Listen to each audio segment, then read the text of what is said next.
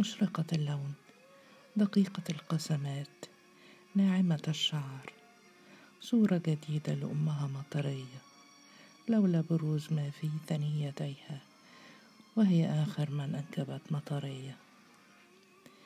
وجاء ميلادها قبيل وفاة أحمد بأشهر وأحبها خالها آسم ولكنه لم يجرؤ على المطالبة بها كما فعل مع شقيقها الراحل. فجعل يحبها من بعيد حتى انتزعته مأساته الشخصية من هموم الدنيا جميعا.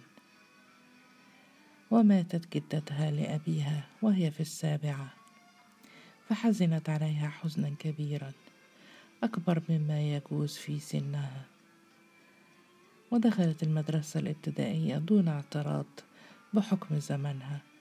وبحكم زمنها أيضا انتقلت منها إلى المرحلة الثانوية. ومع أن مطرية لم يكن يشغل بالها إلا الزواج إلا أنها قالت لزوجها كبنات أختي سميرة الدنيا كلها تود أن تتعلم اليوم. وكان محمد إبراهيم يسلم بذلك دون مناقشة. وكان قد رقي لدرجة مدرس أول. مع بقائه في مدرسة أم الغلابة بشفاعة عبد العظيم باشا داوود. والحق أن أمانة أبدت استعدادا طيبا للتعلم وتجلى تفوقها في الرياضيات وتراءت لها الجامعة كحلم سهل التحقيق. وحصلت على البكالوريا ولكن في العطلة الصيفية التالدة التالية مرض أبوها مرضا لم يمهله. فسرعان ما توفي وهو في الخمسين. ورثت الأسرة البيت والمعاش وإيجار دكان في أسفل البيت.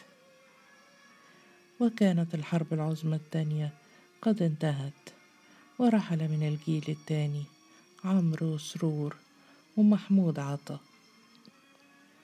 فشعرت مطرية بأنها تواجه الحياة وحيدة في ذلك الوقت تقدم عبد الرحمن أفندي أمين الموظف بدار الكتب لطلب يد أمانة. رجل يكبرها بخمسة عشر عاما ذو سمعة طيبة. وكان رأي أمانة أن الرجل مقبول ولكنها تود أن تكمل تعليمها. وقالت لها مطرية بعطف ظروفنا تقتضي تفضيل الزواج. وشاورت مطرية أمها فقالت راضية الرجل المناسب أهم من الجامعة ألف مرة. ونظرت إلى أمانة بإعجاب وقالت كيف تهتم بالتعليم بنت في جمالك؟ وقال لها خالها الشيخ آسم رأيتك في المنام وأنت ترقصين في قسم الجمالية. وسألت مطرية أمها عن تأويل الحلم فقالت دون تردد القسم هو الأمن والأمان وهو بيت الزوجية. وجهزت مطرية أمانة بمهرها وثمن حليها وحلي جدتها لأبيها وما تبقى من مدخر قليل للمرحوم محمد إبراهيم. وزفت إلى زوجها بشارع الأزهر. ووضح أن الحب أظل بجناحه على الأسرة الجديدة. ولكن التوافق بين الزوجين بدا من أول الأمر أنه يقتضي عناء مريرا. المسألة أن عبد الرحمن أمين آمن بسيادة الرجل وأنها كانت شديدة الحساسية. تتهول في وجدانها قرصة نملة فتخالها قرصة ثعبان سرعان ما تبكي وتنفرد بنفسها أو تذهب من الأزهر إلى حارة الوطويط وتمضي بها النطرية لتفض الاشتباك فتتورط في الخصام. وقالت لها شقيقتها الكبرى الصدرية ليس زوج بنتك بأسوأ من زوجي. ومع ذلك لم يدري أحد بما ينشب بيننا. لا تتدخلي بينهما ولا تميلي مع أمانة مع كل خلاف. وعلمت راضية بذلك النقار المتجدد فاستعانت بالتعاويذ والرقى وزيارة الأضرحة. وبدأ أن الحال تنذر دائما بمزيد من الشقاق حتى لاح شبح الطلاق ووجهه القبيح كالوطواط الأعمى. وضعف من عمق المأساة أن أمانة بمجرد أن أنجبت بكرها محمد. استحوذت عليها الأمومة واختفت الزوجة الجميلة أو كادت. وأنجبت بعده عمرو وسرور وهدية وابتعد شبح الطلاق واستمر النقار.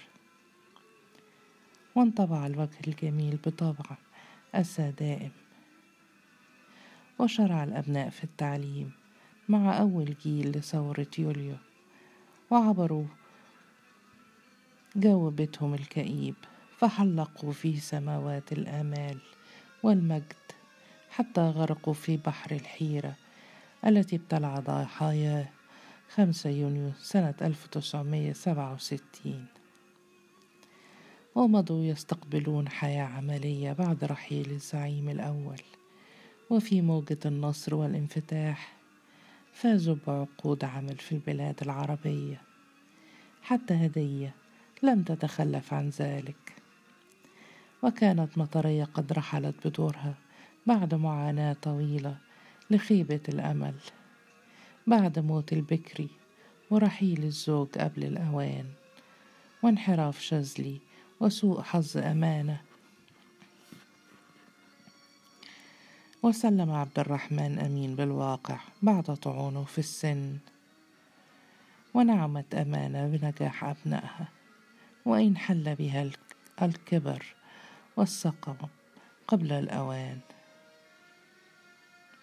وبحكم الزمن شهدت رحيل الأعزة من الأخوال والخالات.